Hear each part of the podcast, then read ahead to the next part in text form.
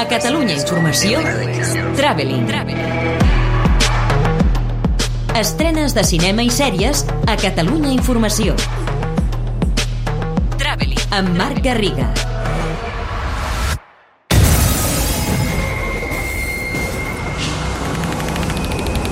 John Krasinski va estrenar el 2018 un dels films més sorprenents, esgarrifosos i inquietants dels últims anys, Un lugar tranquilo. La premissa, que la Terra l'havien envaït uns extraterrestres secs altament sensibles al soroll i que per evitar-los calia viure en el silenci més absolut, coallava fantàsticament en aquesta cinta de terror que va recollir nombrosos premis. Al final quedava més o menys obert i l'èxit va portar els mateixos responsables d'aquella a repetir per buscar un final més rodó. Aquesta setmana ha arribat, doncs, un lugar tranquilo 2, que és simplement això, una pila, i també un pròleg, on es perd una mica l'efecte sorpresa i que només ofereix més del mateix, que no deixa de ser molt, però evidentment queda molt enrere de la seva predecessora. Aquí, Emily Blunt troba un nou company de repartiment, el sempre ambigu Killian Murphy, el líder dels Peaky Blinders, i li dona 100.000 voltes, és clar, a l'altra seqüela que s'estrena aquests dies, El otro guardaespaldas 2, una buddy movie sense cap gràcia, tot i que pretén ser una comèdia, amb Samuel L. Jackson, Ryan Reynolds i Salma Hayek. Lights up on Washington Heights, up at the break of day. I wake up and I got this little punk I gotta chase away.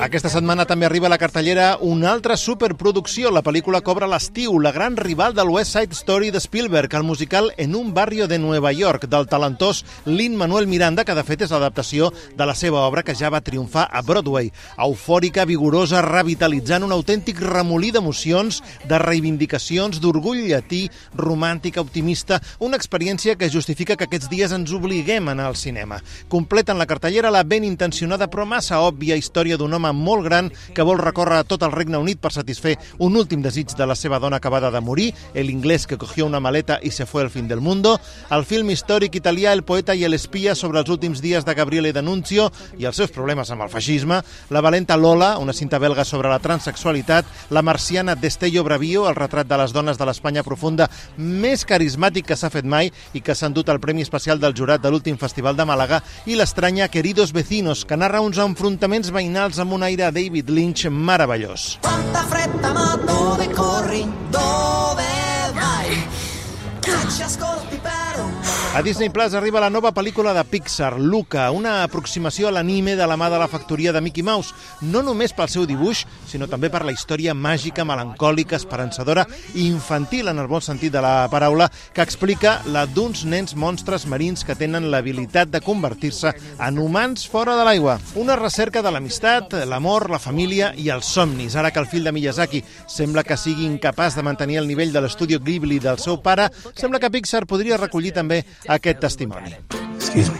She's been like crying for hours. Sorry, but this is a group for new mothers. On that sign out there it says parents. I'm a parent and I don't know what the hell I'm doing. La resta de plataformes també presenten propostes interessants. Netflix té Ser Padre, un cant a la paternitat amb bones dosis de sentimentalisme, lacrimògena però sense passar-se i amb un Kevin Hart més contingut que mai. I la pel·lícula de la sèrie La Casa de les Flores, que va reinventar el gènere de la telenovel·la. Filmin presenta Happily, una comèdia negra interessant amb aires a la dimensió desconeguda, i el documental Spaceship Earth, sobre l'èpica aventura del grup que es va aïllar en un ecosistema artificial per demostrar o no que la humanitat pot viure en un altre planeta. I Movistar Plus i altres plataformes com Rakuten ofereixen la desastrosa Una noche de venganza que no la salven ni Morgan Freeman ni Ruby Rose.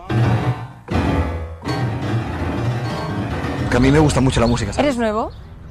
Sí. Pel que fa a la sèrie, és una proposta original i fresca, tot i que és una comèdia romàntica gravada en època de pandèmia als països dels actors. És Contiguo, que s'estrena a Filmin. La seva responsable és Cíntia Vallvé. coses que queden ara mateix en un passat que no sabem, hi ha gent que vol o no vol anar-hi, però és el nostre arxiu, no? és la nostra història, és el que hem passat. I amb Contiguo la, la motivació ha estat de presentar-ho des d'una manera positiva, fresca i mira, aquests personatges que es coneixen degut a això, no? Quines oportunitats ens ha otorgat el confinament o aquest any tan estrany que hem viscut tots. També arriben a TNT Maricón Perdido, l'autobiografia de Bob Pop, Apple TV Plus Physical o com una dona dels 80 interpretada per Rose Byrne recupera la fe en si mateixa gràcies a l'aeròbic i a Filmin també Wayne, una road movie adolescent molt interessant. Traveling. Estrenes de cinema i sèries a Catalunya Informació. Amb Marc Garriga.